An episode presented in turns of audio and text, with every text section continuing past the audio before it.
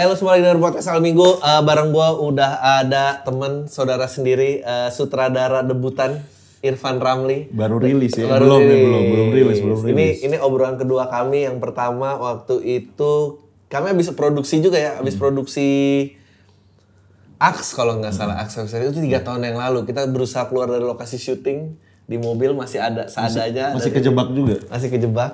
Sekarang udah jadi sutradara. Wey. Filmnya launching tanggal 24 Desember. Harapannya kontennya keluar di tanggal 21. Eh, jadi apa nih dari sutradara yang muda?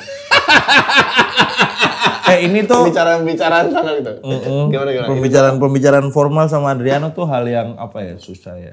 Jadi ledekan buat jadi ledekan. Jadi jadi omong kosong.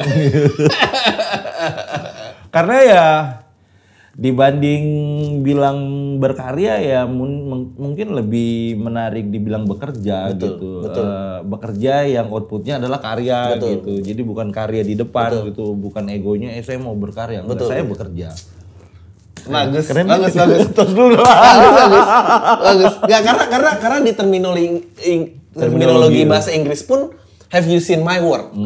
Dia nggak pernah have you seen. uh, dia pasti nyebutnya gunanya tuh work, peace, uh, sesuatu yang kecil sebetulnya. Sedangkan kita begitu ada karya kayak waduh, saya mau berkarya dulu nih. Ih, anjing siapa lu gitu. Apalagi debutan gitu Ah, mau berkarya. jadi ada output pekerjaannya. Hmm, yang kemudian eh, bisa bisa disebut sebagai karya kan. Tapi ya basis utamanya ya bekerja. Karena pertanyaan paling sering adalah eh, lo kan penyi- lo kan penulis, eh, skenario kenapa lo juga mau merambah directing gitu kan. Eh, ya kalau kalau gue sih ngelihatnya ya sederhana. Tadinya lo menulis buat orang lain, eh ketika lo punya kesempatan, hal terbaik yang bisa lo ambil adalah ya menyutradarai apa yang lo tulis sendiri gitu Iya, kan. betul, betul, betul, betul. Jadi ya yang nggak ada bedanya sebenarnya nggak ada kayak yang tiba-tiba dari yang bekerja menulis skenario dan lalu kemudian berkarya Hmm. Jadi director gitu enggak sama aja itu dua-duanya bekerja gitu dan outputnya ya karya tadi gitu. eh output tuh apa aja ya? Filkop 1, eh Filkop 2 ya, Filkop 2 Gua CDT, Cahaya Saran dari Praha, Timur, Surat dari Praha, eh, CDT, Low for eh, Sale 1 La Forza 12, eh, Banda. Anda The Dark Itu writer- Trail. Akhirnya debutannya ini dan web series turunannya ya. Iya, kurang lebih. Gue sih sampai udah lupa ya maksudnya Karena udah jauh jaraknya. ya. lama lama nggak juga. Karena maksudnya yang menjalani apa filmmaking sebagai karir kan yang sekarang masih hidup maksudnya dan masih masih berkarya banyak gitu maksudnya. Itu kan rata-rata ada yang sudah 30 tahun bahkan Mas Garin. Eh, Mas Riri 20 tahun sekian gitu maksudnya Joko Anwar dan yang lain-lain gitu. Eh dan gue nggak sampai 10, belum sampai 10 tahun gitu maksudnya masih anak kecil. Tapi masih anak kecil beneran ya maksudnya masih tapi ya gitu maksudnya karena bekerjanya juga ada di lingkungan yang produktif ya kita produktif pada akhirnya Iya, iya. Emang yang penting tuh produktif, jangan cuma nongkrong sama orang terkenal doang. jangan Berharap- cuma berharap kayaknya gue sutradara ini mau deh gue Hmm, nulis.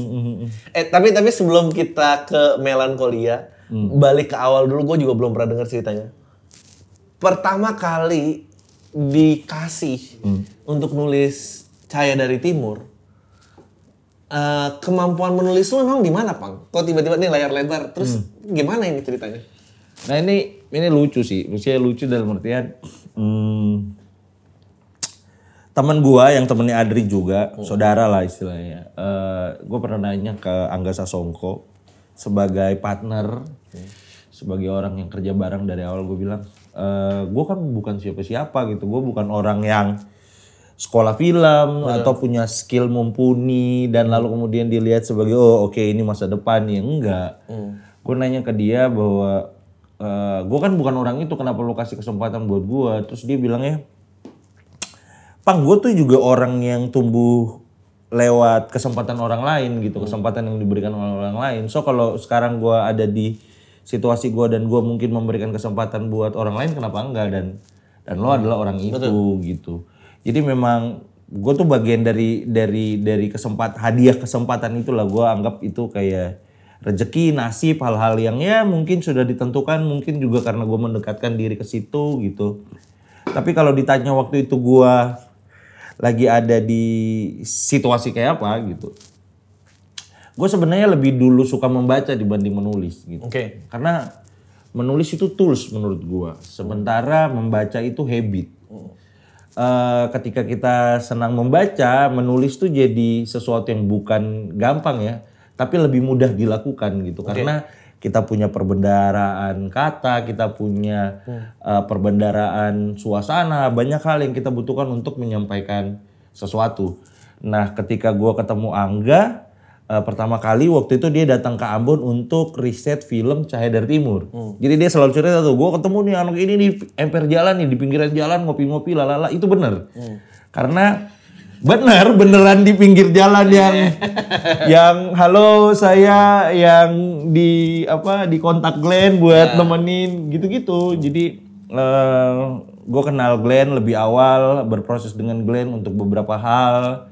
Eh, lalu suatu hari Glenn bilang, eh ada teman gue namanya Angga Sasongko mau ke Ambon. Dia mau riset. Lo temenin ya. Karena gue emang orang itu, gue emang orang yang biasa menemani orang lain untuk melakukan riset. Gue kenal banyak orang. Istilahnya kalau lo agak-agak canggung, gue bisa lah jadi jembatan. Eh ini ada yang punya.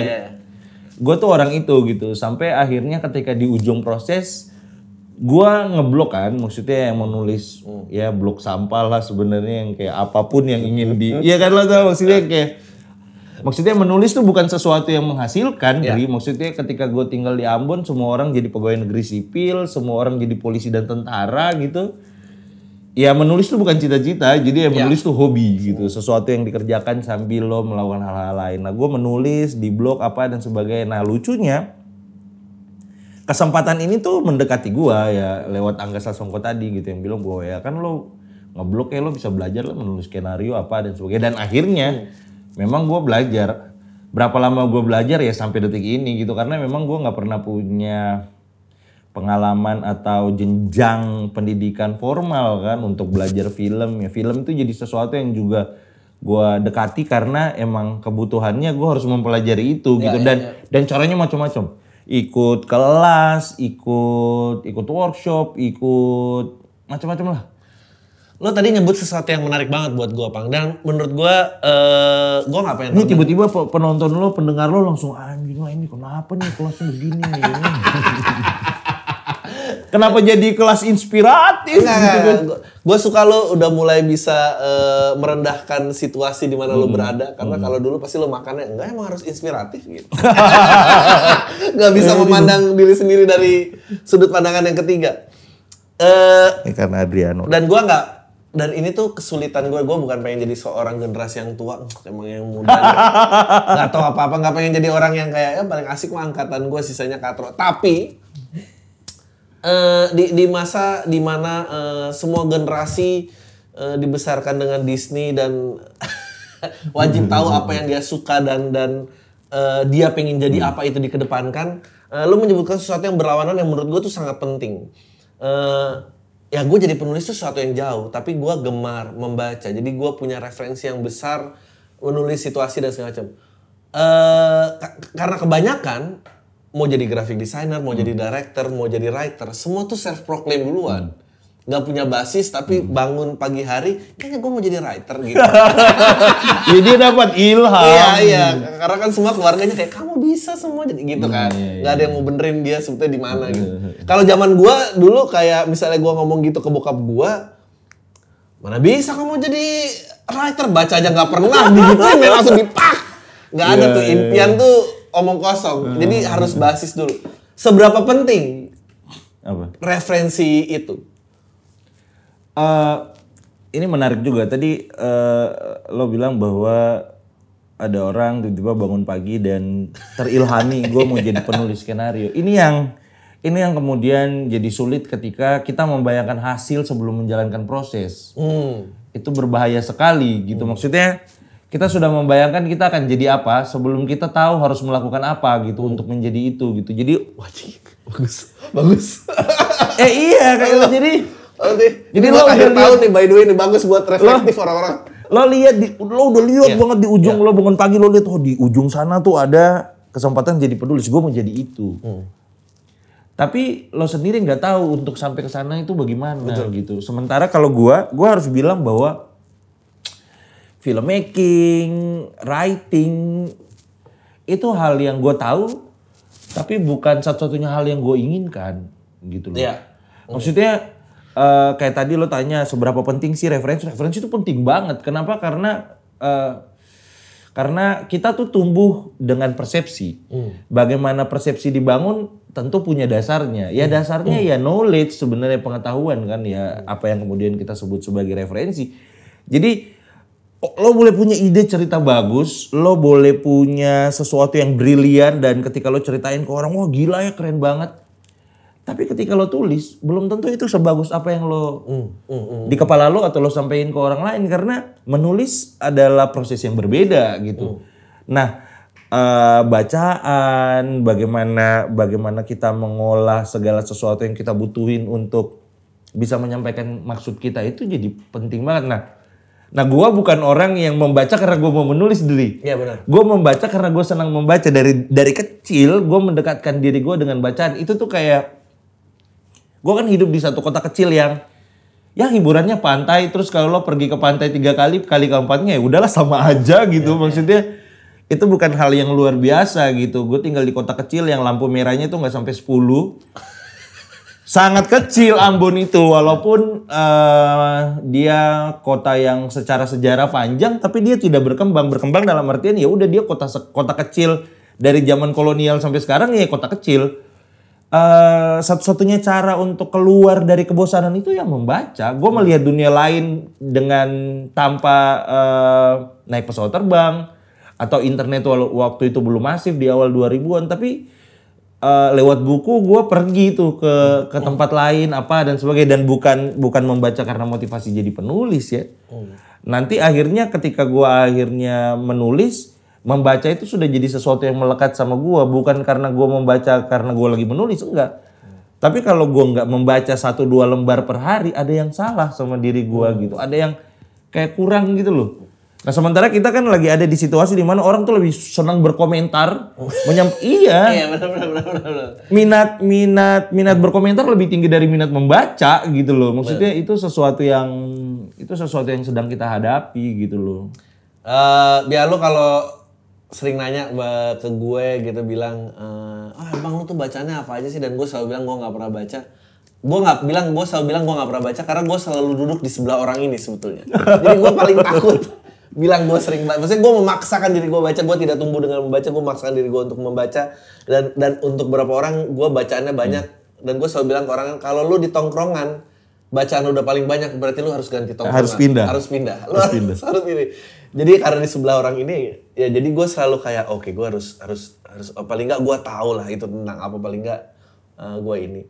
Nah eh me- jadi memang ada perbedaan ego ya kayak orang yang eh, mem- misalnya membaca atau menulis atau atau atau mengeluti referensi untuk mengambil sebagai profesinya itu memang yang suka kita bilang belum apa-apa udah sok tuh orang itu ya. Itu lo yang bilang ya gue. Ya gak apa, gue, gue jadi mengerti nggak karena gue Iya. juga orang itu, maksudnya Iya. masuk ke periklanan gitu karena lulus dari luar negeri petantang petantang, padahal nggak tahu cara ini. Tapi referensi tuh kaya banget gitu dan nggak tahu proses. Jadi lu dulu waktu abis itu akhirnya mengulik oh struktur, cara bercerita, 3 act, 8 act dan sebagainya itu tuh semua eh ya lu mengikutinya ya udah nih ilmu aja hajar aja serap aja semua ya nggak ada nggak ada diri lu yang lebih tinggi daripada "Ah, ngapain sih nulis caranya gini gitu Enggak. Hmm. Eh, gini, gue nggak langsung pengen jadi Christopher Nolan Enggak lah. terus terus caca-caca gitu mau jadi Chris- Christopher Nolan juga kenyataannya harus lebih banyak dulu yang dipenuhi gitu. Lo harus lo harus ada di Hollywood. eh saudara lo harus Jonathan Nolan gitu. Maksudnya eh, lo harus punya banyak uang gitu. Maksudnya lo lagi ada di negara dunia ketiga yang batasannya tuh finansial gitu, bukan gagasan gitu. Kalau ya di Hollywood orang udah batasannya tuh iya kan, orang udah batasannya tuh eh, gagasan gitu. Udah bukan bicara soal uang gitu. Nah, kalau tadi apa pertanyaan? Iya pertanyaannya jadi lu orangnya waktu belajar tuh ya udah Oh, belajar oke. aja sikat aja nggak nggak pakai ada resistensi Eh, dalam menyerap. gini Dri, gue tuh sadar satu hal bahwa gue anak yang datang ke kota besar, bawa ransel sebiji, mau berkelahi dengan Iya. kota tersebut gitu. Ada dua caranya. Lo langsung datang ngajak berantem atau lo masuk jadi bagian di dalamnya. Nah, gue ambil kesempatan yang kedua. Maksudnya apa? gue punya gagasan, tapi orang-orang tuh butuh familiarity. Orang-orang butuh mengenal gagasan gue dengan cara mereka. So gue harus belajar pakai baju mereka. Hmm. Jadi mungkin suatu hari gue akan bikin film misalnya suatu hari mungkin 5, 10, 20 tahun mendatang gue akan bikin film yang tidak orang mengerti. Tapi setelah sekian banyak film yang gue buat lebih dulu gitu loh. Ya mungkin tidak cuk, tidak perlu banyak yang 10 20 tapi maksudnya eh gue udah coba bicara dengan bahasa yang orang mengerti dan lalu kemudian orang memahami apa yang mau gue sampaikan. Suatu hari ketika gue datang dan bicara sesuatu yang dengan cara yang tidak familiar atau tidak orang mengerti, itu tetap bisa dilihat dengan cara yang berbeda gitu.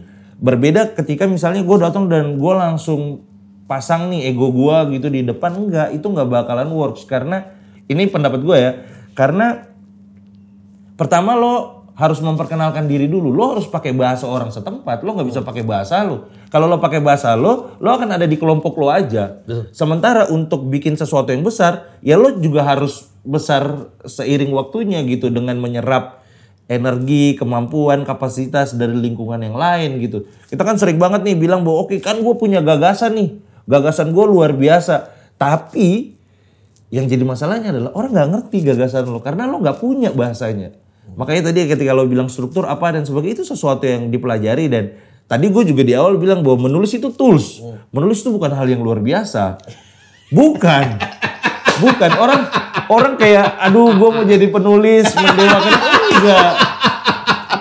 Enggak, menulis itu tools, menulis itu alat untuk menyampaikan maksud. Untuk menyampaikan Bahwa maksud, kemudian lo punya maksud yang luar biasa dan membuat tulisan lo itu luar biasa, itu gagasan lo, bukan peristiwa menulis lo, gitu loh. Maksudnya eh, kita perlu ngelihatnya seperti itu. Dan gua gue orang yang seperti itu yang datang dengan bilang bahwa ya udah gue serap semua kapasitas orang lain. Ya maksudnya pendekatan sekuensi eh three act eh, how to build dialogue hal-hal seperti itu tuh gue pelajari eh, demi memperbesar kapasitas gue gue kan gak bisa nih datang dan lalu bilang bahwa ini diri gue gue mau segini aja nih kalau kalian gak mau terima nggak usah enggak gue harus buka diri gitu loh Eh, dengan begitu gue punya kesempatan lebih banyak menyampaikan sesuatu. Makanya dari awal gue bilang gue nggak datang berkarya, gue datang bekerja. Bahwa kemudian gue menghasilkan sesuatu yang disebut sebagai karya, Ya. itu soal lain. Ya, ya, ya, betul. Klaim harus datang dari orang lain, jangan dari yang bikin. Persis, bikin malu, persis, bikin malu, persis. malu. jangan asik sendiri, jangan asik sendiri, jangan, jangan, jangan. Jangan asik di kepala sendiri. Eh, lo nyebut tadi eh, perbedaan Hollywood dan Jaka, eh, Indonesia di sana itu keterbatasannya adalah gagasan di sini adalah uang eh, ke- eh, dalam artian lain production scale.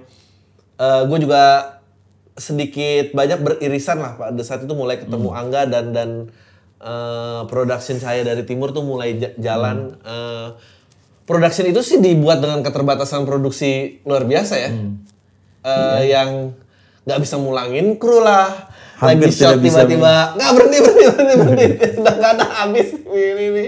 Eh, dan waktu itu Chico Jericho juga lompat eh, pensiun istilahnya dari Iya. sinetron dia mau coba layar lebar Eh, tahun itu menang aktor Ya, terbaik, aktor dan filmnya penulis- menang, filmnya menang, filmnya juga film menang. terbaik. Mm-mm. Penulisnya menang kan? Enggak, gue nominasi, gue belum pernah menang FFI sampai sekarang. Oh, gue tuh selalu tuh siapa nominasi sebenarnya? buat keseluruhan, Nah, buat film. Itu rasanya kayak apa, Pak? Bagian yang terlibat aktor yang menang, film yang menang. Kemarin ada tulisan di Forbes yang ada foto gua. ada interview foto gua lagi ngangkat piala gitu kan. Ah, beberapa orang dekat ya maksudnya beberapa teman-teman yang kenal gua di Jakarta dari awal gitu bilang bahwa itu salah satu senyum terbaik gua karena gua nggak pernah ngebayangin Dri. Orang gua tuh misalnya gini. Eh, Glenn Angga eh, bilang bahwa eh lo nulis aja gitu. Istilah ini kesempatan nih lo cerita pengalaman lo apa trauma lo apa dan ya ya oke. Gue lakuin tuh. Gue pikir kan satu kesempatan itu dan ya udah gitu. Gue akan melanjutkan hidup mungkin gue jadi hakim mahkamah konstitusi gitu kan jadi dia dosen. sarjana hukum, sarjana hukum, gue sarjana hukum gue datang tuh dengan cita-cita kayak S2 menarik ya, gitu. Uh, apalagi waktu itu uh, di tahun-tahun di atas tahun 2010 tuh kalau menjadi dosen udah harus S2 kan. Dan gua anak yang menolak dapat beasiswa dari kampus karena kalau lo dapat beasiswa dari kampus ya udah lo pergi 2 tahun, habis itu lo harus langsung balik dan mengabdi. Gua nggak mau. Kayak gue udah dikungkung sekian tahun kan maksudnya tiba-tiba gue harus dikasih beasiswa dan ah gue nggak mau punya harapan hidup sependek itu gue mau punya harapan hidup lebih panjang ya udah gue merantau aja dulu Eh, dengan logika ya udah ngerjain ngerjain apa yang mau dikerjain dulu aja kan. Eh, siapa tahu nanti punya rezeki dan bisa kuliah. Tapi tidak pernah terjadi kuliah itu maksudnya. Maksudnya nasib itu sunyi banget. Sunyi banget nasib itu. Kita nggak pernah tahu eh, nasib akan membawa kita ke mana. Yang bisa kita tahu adalah tujuan kita hidup gitu. nasib tuh kan eh, sesuatu yang gaib ya. Tapi kalau usaha kan sesuatu yang terukur. Jadi ya gue mengusahakan aja terus menerus gue bukan orang yang sekolah film. Ya. Dan sampai detik ini gue orang yang selalu bilang bahwa eh, cara terbaik untuk jadi filmmaker adalah sekolah film Betul. tapi bahwa kalau kamu tidak sekolah film, ada cara yang lain gitu. Dan pada kenyataannya ada banyak sekali profesi yang tidak datang dari orang dengan background itu. Dia justru seperti pekerjaan memilih orang tersebut gitu kan. Nah gue tuh kan orang itu ya maksudnya yang kayak ya udah gitu sesuatu yang yang dijalani dan lalu kemudian jadi apa sih namanya ekspresi gua sampai detik ini gitu. Jadi lu nyangka itu satu project one off, Iya. beres gue pulang. Iya, gue pikir gue akan gini maksudnya, oke gue akan cabut gitu, maksudnya oke eh, dapat FFI apa dan sebagainya itu jadi sesuatu yang tidak pernah dibayangkan ya maksudnya waktu itu oh, saingannya juga berat ya waktu itu Soekarno gitu dengan desain production yang yang besar gitu tiba-tiba film itu jadi film yang dianggap layak merepresentasi film Indonesia tahun itu karena itu film Indonesia pertama itu film Indonesia pertama yang pakai subtitle Indonesia ditontonnya gitu. Maksudnya karena dia keseluruhan pakai bahasa daerah. Sebelum itu eh, tidak ada film Indonesia yang berani melakukan itu karena dianggap bahasa film atau bahasa di sinema itu bahasa Jakarta atau bahasa Indonesia gitu. Tiba-tiba kita mengambil keputusan untuk ayo kita pakai bahasa asli ya. Jangan jangan mengkhianati nilainya gitu. Karena eh, ini bukan cuma soal kita gitu. Waktu itu gua Glenn Angga mikirnya demikian gitu. Kayak kami bikin film eh filmnya kemudian diapresiasi. Gue sih sejujurnya habis itu kayak memang hidup berubah sih Dri. Maksudnya hidup berubah hidup berubah dalam artian kayak gue jadi berani lihat sesuatu yang lebih besar. Sebelum gue ikut produksi film gue nggak pernah lihat uang 1-2 m itu kayak apa. Gue pikirnya ada uang 1-2 m tapi dia angka semua bukan kertas Bukan gitu. wujud, breng gitu. tiba-tiba gue ngeliat anjing ini uangnya banyak ya gitu maksudnya ada ternyata dan ternyata 2 m tuh setengah koper doang gitu gue pikir kalau 2 m tuh lo udah yang iya kan lo Udah lo tiduran kayak di Breaking Bad itu yang Nah. udah gitu ternyata enggak. Nah, dan dan gue tuh kan anak itu dari maksudnya sebagai sebagai sebagai orang dekat gitu lo tahu banget gitu. Gue datang dari lingkungan seperti apa gitu, dari kenyataan masa kecil yang seperti apa gitu dan uang 2M tuh kayak sesuatu yang mind blowing gitu kayak "Ah, ada ya duit 2M gitu dan ada yang punya gitu loh. Eh, dulu gue ngelihat uang 100 juta aja itu barang yang Asing. nggak terjadi gitu loh. Tapi tiba-tiba gue berhadapan dengan uang MM-an karena ikut produksi film gitu dan setelah berhasil mengumpulkan waktu itu kita produksi itu di 8 9 M lah total sama eh, KTBLC yang lain. gue nggak pernah takut lagi abis itu. Benar. Gue nggak pernah takut lagi. Maksudnya gue tuh udah melampaui istilahnya tadinya batas gue di sini nih. Iya. Tiba-tiba tuh gue ngeng gitu jauh banget gitu. Maksudnya ya udah gue nggak pernah gue memang duit 89 m itu juga bukan duit gue. Iya. Tapi gue menghasilkan itu dan bekerja mengerjakan sesuatu dengan itu gitu. Jadi kayak tiba-tiba sekarang kayak eh ayo bikin film 2 3 ayo gitu loh. Karena takut-takutnya maksudnya karena emang batas itu tadi udah lewat gitu. Tadinya ya nggak pernah membayangkan gitu loh. Jadi nggak cuma tentang eh, apa ego lo yang melambung jadi tinggi ya ketakutan juga ngurung ego lo jadi memang hidup jadi tuan. Eh, gua akan skip ini dan langsung ke waktu eh, surat dari Praha eh, cerita tentang exile eh, orang yang nggak bisa masuk balik itu ideation pertamanya keluar dari siapa? Kenapa tiba-tiba mau diangkat itu? Kenapa lo tertarik nanya surat dari Praha? Karena karena gue nanya SDP karena gue tahu itu penting buat lo. Oh, karena itu berkesan. Kalau kalau gue suruh describe Ipang itu adalah eh, CDT SDP eh, Banda. Hmm. eh, dua-dua tiga-tiganya tuh sejarah Dri. Iya. Eh, tiga-tiganya tuh eh, benang merahnya tuh sejarah, actual event gitu. Eh, waktu itu kita mau bikin sesuatu buat Glenn yang berulang tahun untuk eh, karyanya, dia ulang tahun berkaryanya dia 20 tahun. Eh, terus Angga bilang, eh gue pengen bikin sesuatu pakai lagunya Glenn. Dan kita nyari-nyari sih Dri, maksudnya kita nyari-nyari apa yang bisa kita ceritain awalnya kayak, oke ceritain aja anak SMA pakai lagu-lagu cinta gitu kan. Tapi lalu ya kita tidak sepakat gitu, kita tidak sepakat karena itu bukan sesuatu yang mengikat kita gitu bahwa iya Glenn Fredly lagunya lagu cinta tapi juga di saat yang bersamaan dia juga bicara tentang kemanusiaan gitu. Nah, eh, titik tengahnya adalah ternyata kami sama-sama punya concern soal 65 dan 65 itu kan bukan cuma 65 yang kita dengar waktu itu gitu tentang orang-orang yang dibuang ke buru atau tentang pemimpin-pemimpin partai yang di apa di adi apa dihukum tanpa diadili dan sebagainya. Tapi juga ada orang-orang yang tidak bisa kembali ke Indonesia waktu itu. Situasinya macam-macam. Ada yang ik- lagi ikut event lagi ada yang lagi sekolah gitu ada yang perjalanan dinas macam-macam. Eh, nggak bisa pulang. Dan sebagai generasi yang mengecap literasi literatur literatur ini di atas tahun 2000 aku nggak gue ngerasa bahwa ini tuh hal yang penting untuk di diceritain. Eh, plus gue belum pernah keluar negeri gitu.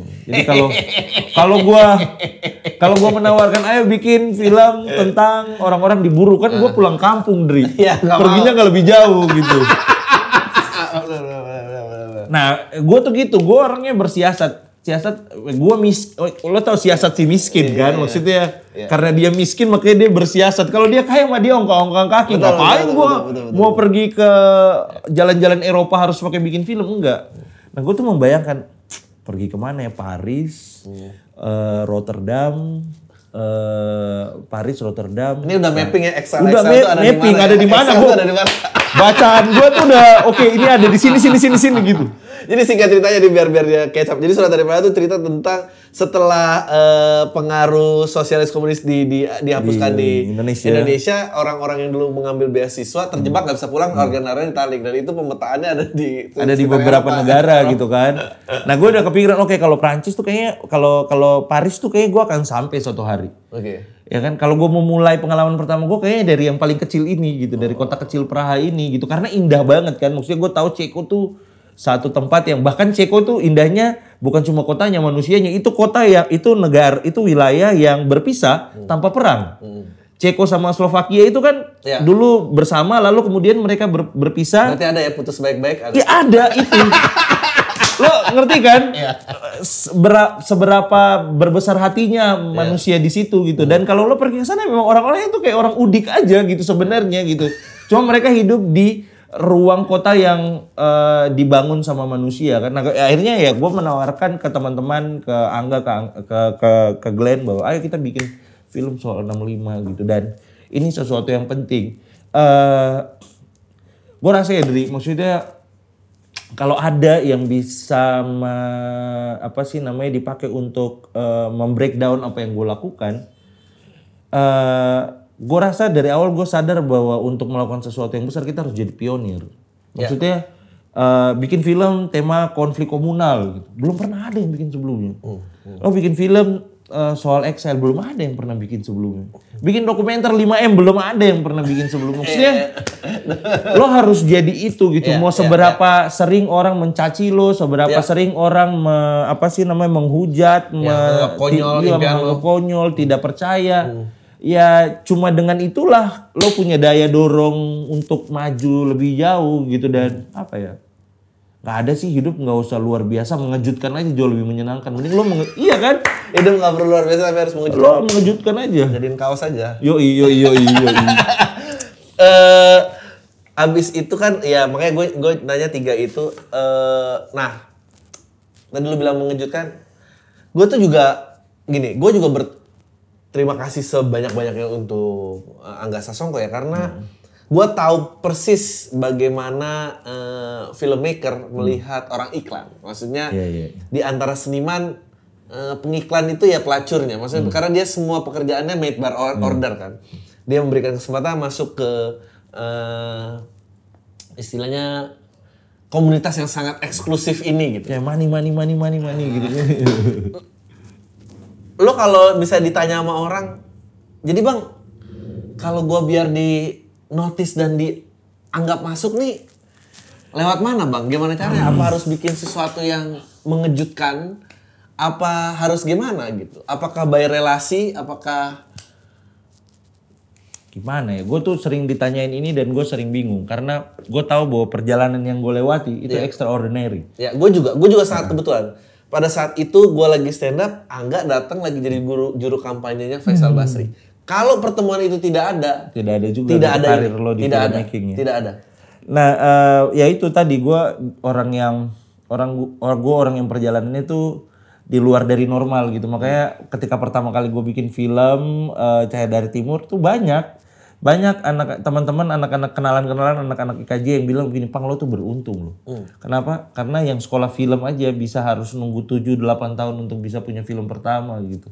Eh, tapi lo tuh anak jatuh dari pohon keluar dari dalam tanah gitu tiba-tiba lo eh, bikin film gitu. Itu hal yang yang sulit gua rekomendasikan gitu. Tapi kalau ada yang bisa kita sama-sama percaya, gue rasa memang lo harus melakukan sesuatu yang penting. Penting tuh sesuatu yang benar-benar lo, yakini dan ada impactnya. Karena eh dan penting itu harus menemukan kawannya ya.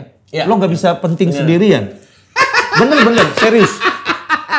Lo nggak bisa yang kayak eh ini penting penting penting tapi semua orang nggak ada yang percaya sama lo. Jadi kalau lo melakukan hal yang penting, lo harus menemukan kawan lo kayak lo harus mendatangi misalnya 10 orang, 20 orang yang yang yang mungkin dari dari 10 20 orang itu ada satu yang mau ikut mengamini apa yang lo sampaikan gitu Ya, dan ya, dengan ya. dengan begitu lo akan bisa melakukan sesuatu gitu. Maksudnya filmmaking atau hal-hal besar itu tidak dilakukan sendirian. Gak ada one man show. Walaupun nanti kita tahu bahwa di- da- direkturnya cuma satu orang, filmnya diklaim filmnya satu orang, tapi itu kerja komunal, itu kerja kerja kolaboratif dan dan sejak awal eh, gagasan tuh harus ditumbuhkan di situ gitu loh. Maksudnya Hmm, menarik. basisnya tuh bukan kayak gue punya ide menarik, ayo kalian bikin buat gue enggak. Lo harus ajak orang lain juga untuk mengamini gagasan lo itu supaya apa? Supaya diperjuangkan bersama karena nggak bisa diperjuangkan sendiri. Jadi kalau kalau misalnya pertanyaan adalah bagaimana gue bisa sampai misalnya di tempat lo atau tempatnya Adri,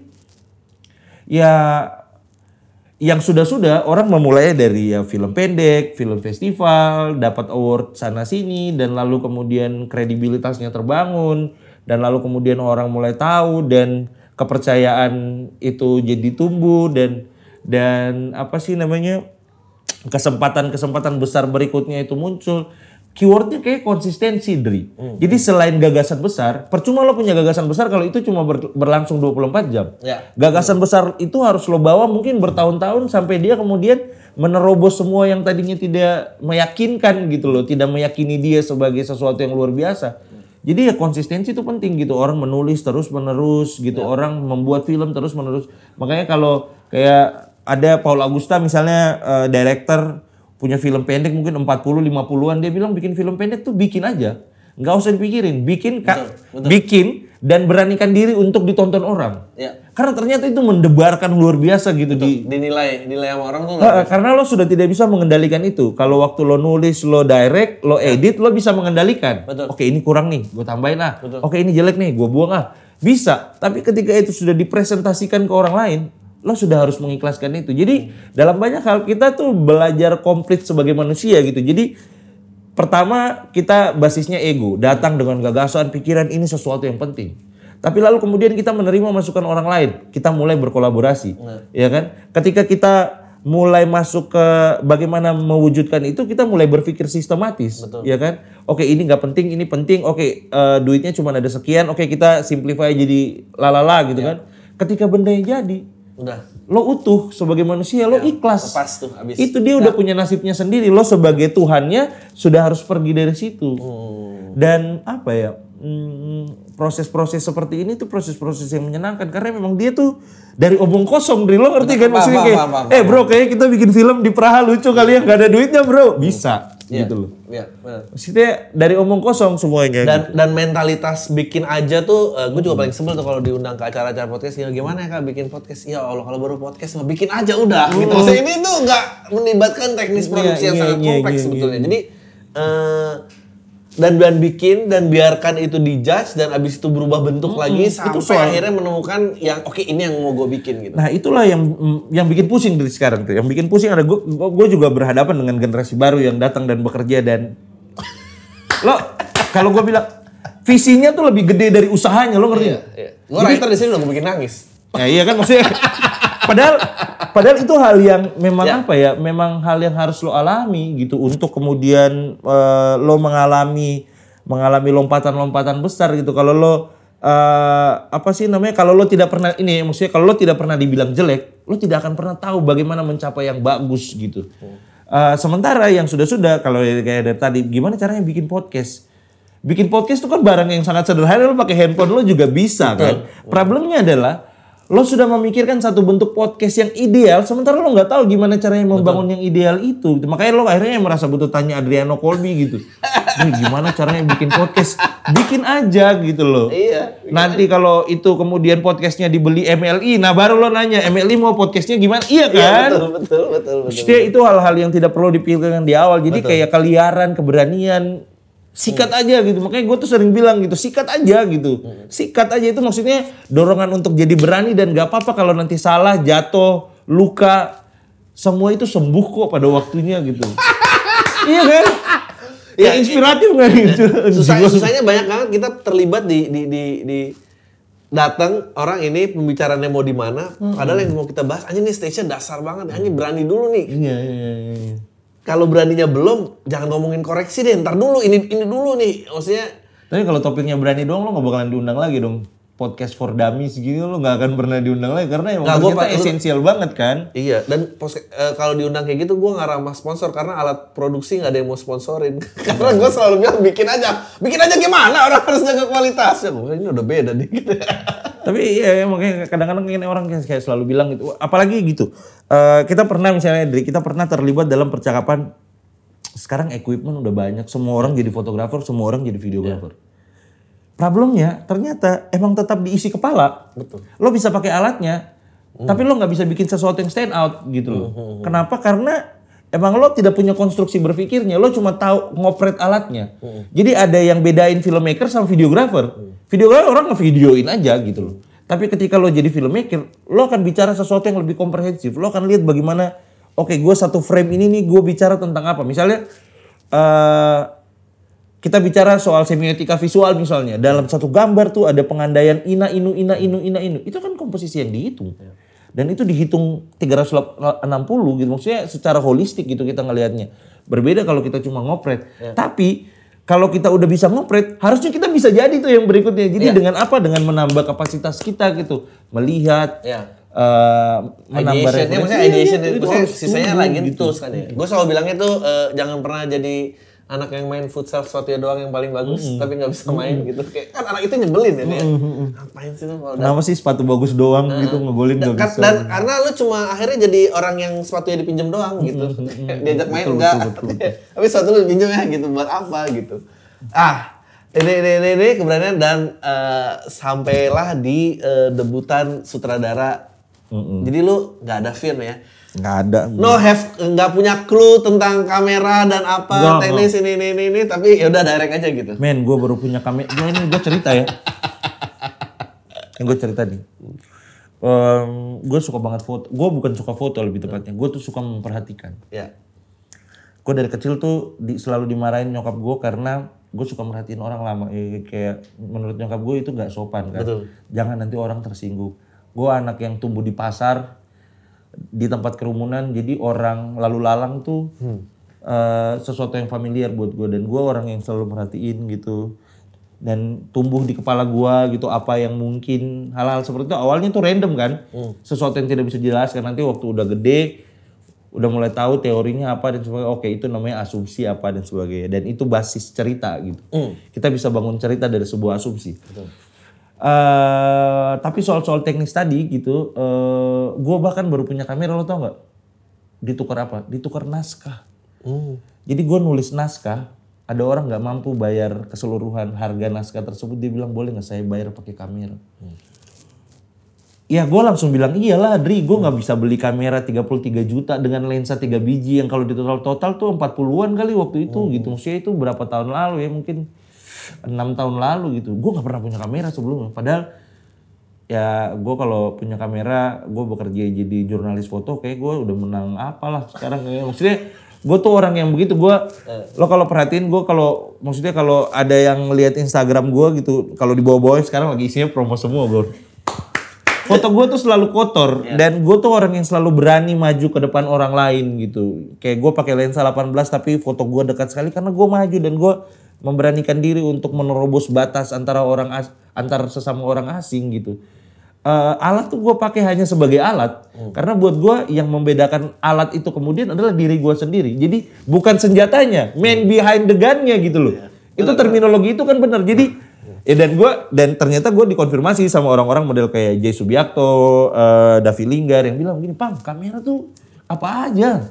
Karena yang penting tuh isi kepalanya. Kau mau bilang apa lewat gambar, lewat potret yang kau mau bicara, yang kau buat itu kau mau bicara apa. Jadi memang senjata bisa apa aja gitu. Ternyata yang penting itu adalah bagaimana orang bilangnya. So ketika gue jadi director, ya gue gue perlu dong ngajar, eh, gue perlu dong ngejar ketertinggalan gue rasio berapa, ya kan, apa teknisnya, apa pen kiri, pen kanan, till up, till down itu hal yang gue pelajari lah seiring waktu gitu.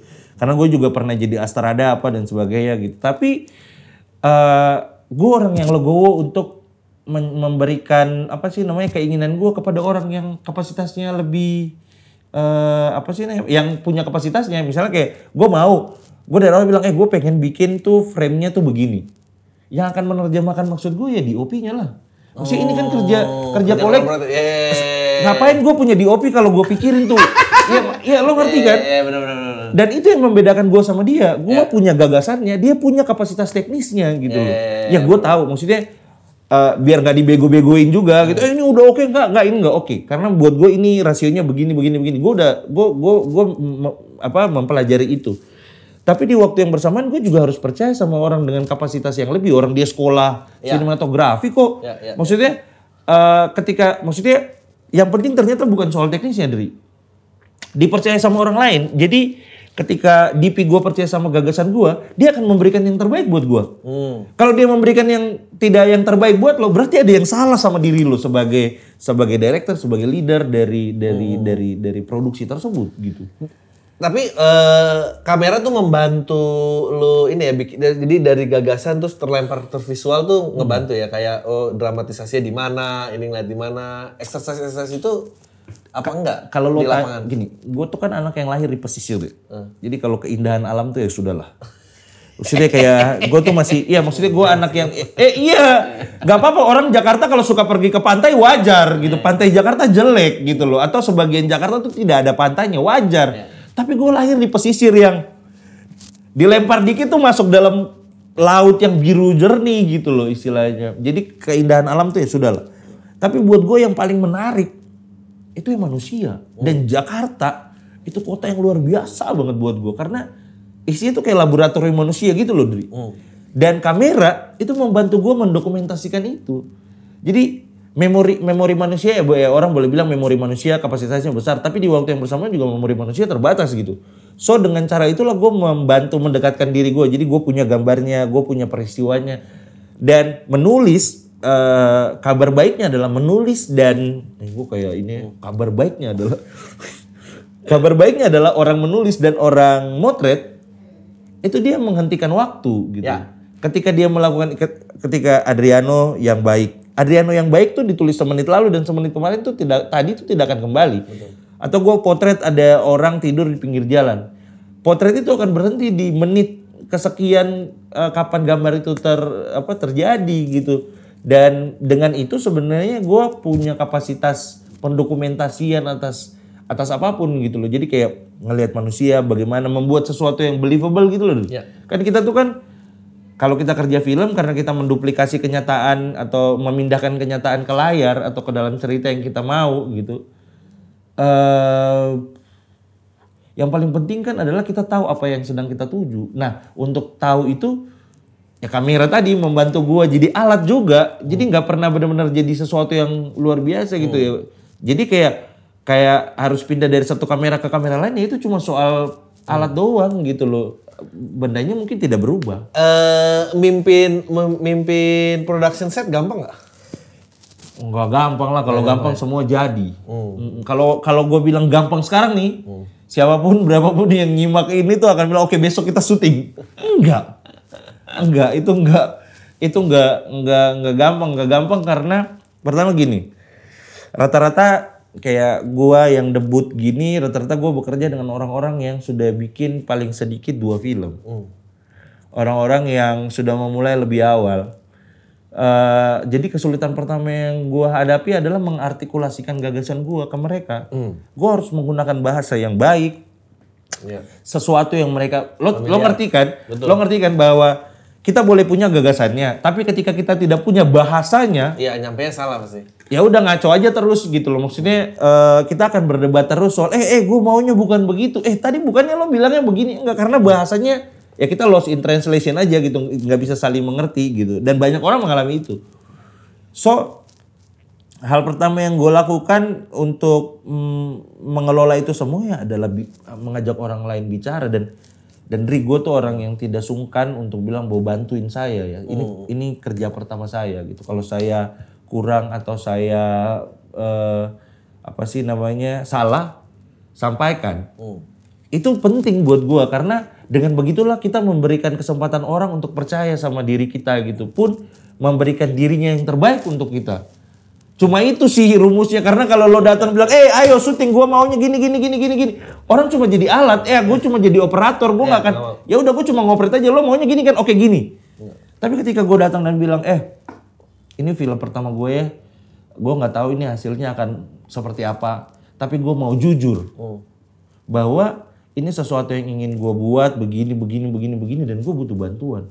Gue rasa hal pertama dalam bekerja itu respect each other man maksudnya lo nggak bisa nggak bisa Star syndrome gitu gawat, langsung kayak gawat. aduh lo punya- lo mungkin punya duit tapi itu kayaknya ya sesuatu yang umurnya pendek tapi kalau lo bekerja dan lalu kemudian hidup dengan apa sih namanya cara yang seperti itu mungkin orang akan respect lo untuk waktu yang lama sih Nah, eh melankolia sendiri itu eh ya mungkin, mungkin kalau sinopsis, sinopsis atau baca cari aja bisa bisa dicari lah apa dan segala macam. Yang main gue tanya, gue juga agak lupa. Kenapa kita tiba-tiba mendarat di tema trauma ya? Hmm? Eh, kenapa kita Kenapa mengangkat trauma? Ya, ya, I- I- Ipang kan selalu mengambil historical event. Tapi gue tahu lu selalu orang yang eh, thoughtful ya maksudnya. Jadi pasti akan ada sesuatu yang ke dalam gitu. Kenapa ngambil eh ini kan benda yang conversationnya dimulai dari ayo yuk bikin sesuatu tentang remaja. Tapi tidak hanya cinta-cintaan, lari-larian, bilang I love you di bawah hujan. hmm, Saya eh, mau bilang bahwa remaja itu juga fase yang sulit banget kan waktu itu. Dan idenya berkembang jadi macam-macam gitu. Eh, ada banyak eh, additional story yang masuk, ada cerita eh, perselingkuhan apa dan sebagainya. Dan gue kan orang yang bilang siapa sih yang datang ke bioskop merayakan perselingkuhan nggak ada.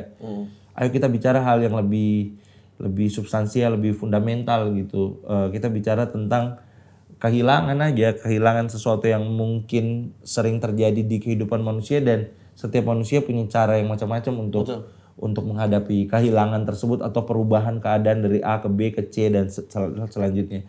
Tapi kalau boleh balik sedikit ke belakang, gue orang akan bilang bahwa ternyata nih, Dri, ternyata dari semua apa yang gue kerjakan, gue tuh selalu bi- se- eh, apa eh, sebagian besar yang gue selalu bicara tentang orang-orang yang teralienasi hmm. Tentang orang-orang yang terasingkan, tersingkirkan, tapi dengan cara dan situ status, status kelas sosial yang macam-macam juga ya.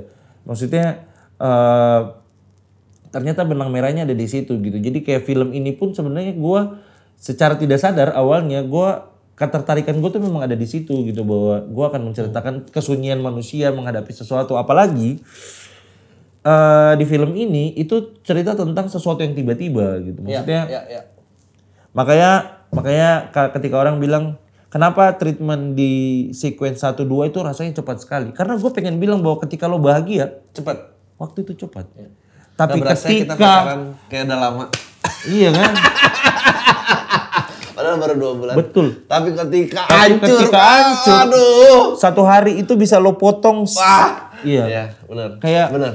itu setiap menit, setiap detiknya tuh kritis. Jadi itu eh, apa ya experience bahwa orang menerima, aduh sequence satu duanya agak cepet ya gitu, setupnya kayaknya belum utuh gitu. Tapi gue pengen bilang kebahagiaan itu memang benda yang dipotong-potong dan lo pilih gitu loh.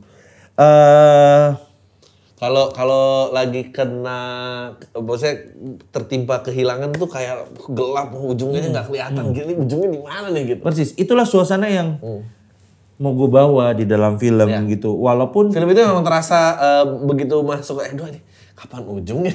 Tapi emang begitu rasanya biar Iya lo draining, maksudnya lo sesuatu yang lo mengalami apa ya, lo terdera-dera gitu. Eh, ada pertanyaan bagus di salah satu kota yang kita datangin gitu. Eh, kenapa film ini minim sekali, sekali dialog gitu? Film ini minim, minim dialog karena orang sedih itu sulit mengungkapkan dirinya. Dan dalam situasi seperti ini semua orang takut bicara Hmm, betul. kan nggak mungkin Indri sekarang ada satu peristiwa sedih yang lo alami. Apa yang harusnya gue sebagai orang dewasa lakukan? Menceramai lo. Mungkin lo abis itu bakal nikam gue kali dua kali, tat, tat, tat, mati. Udah pergi aja lo, gue nggak butuh. Ya. Gue cuma butuh stay. Tapi kan stay juga tidak memperbaiki keadaan. So mungkin yang harus gue lakukan, gue akan bilang, Adri sabar ya. Ya kan? Tapi bagaimana gue bilang itu juga, Ya. itu ada caranya gitu. Jadi Ya.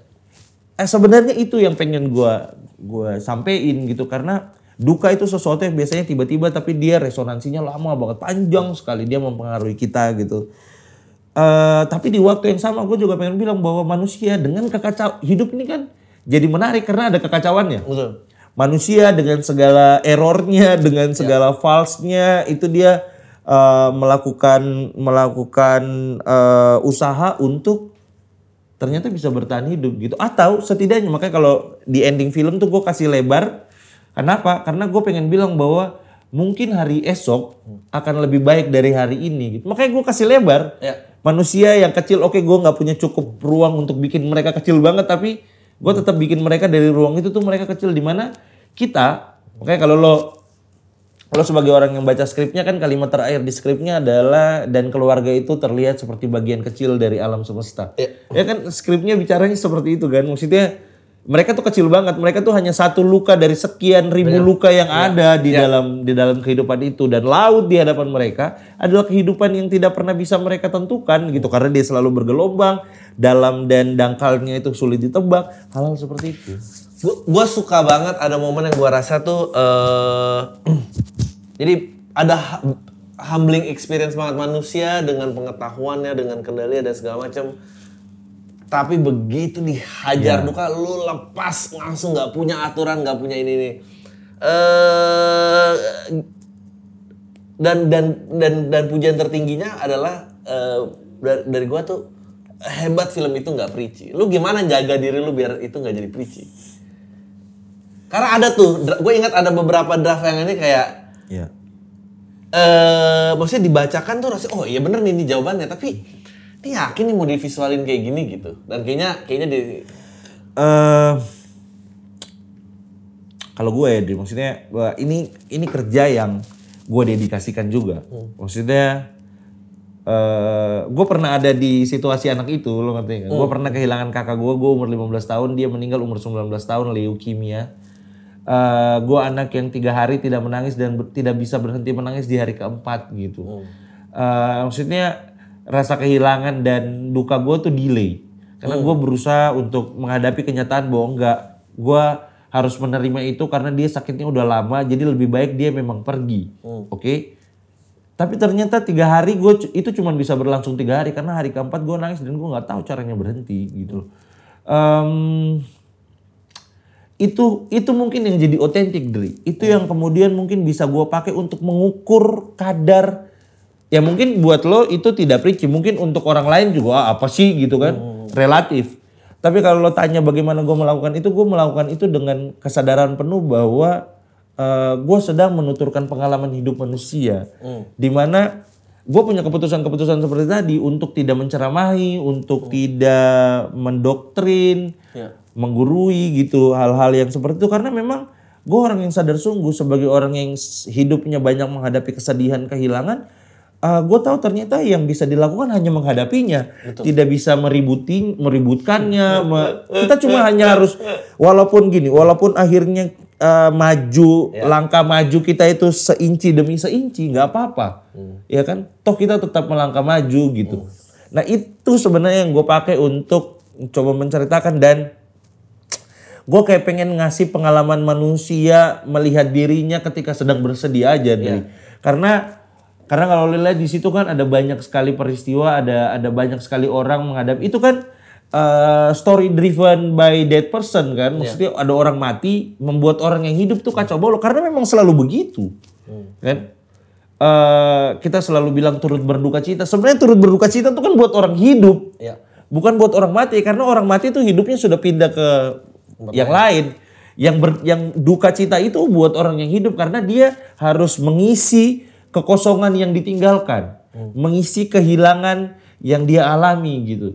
Makanya kita bilangnya turut berduka cita ya, karena itu duka, karena sedih memang, karena itu sulit.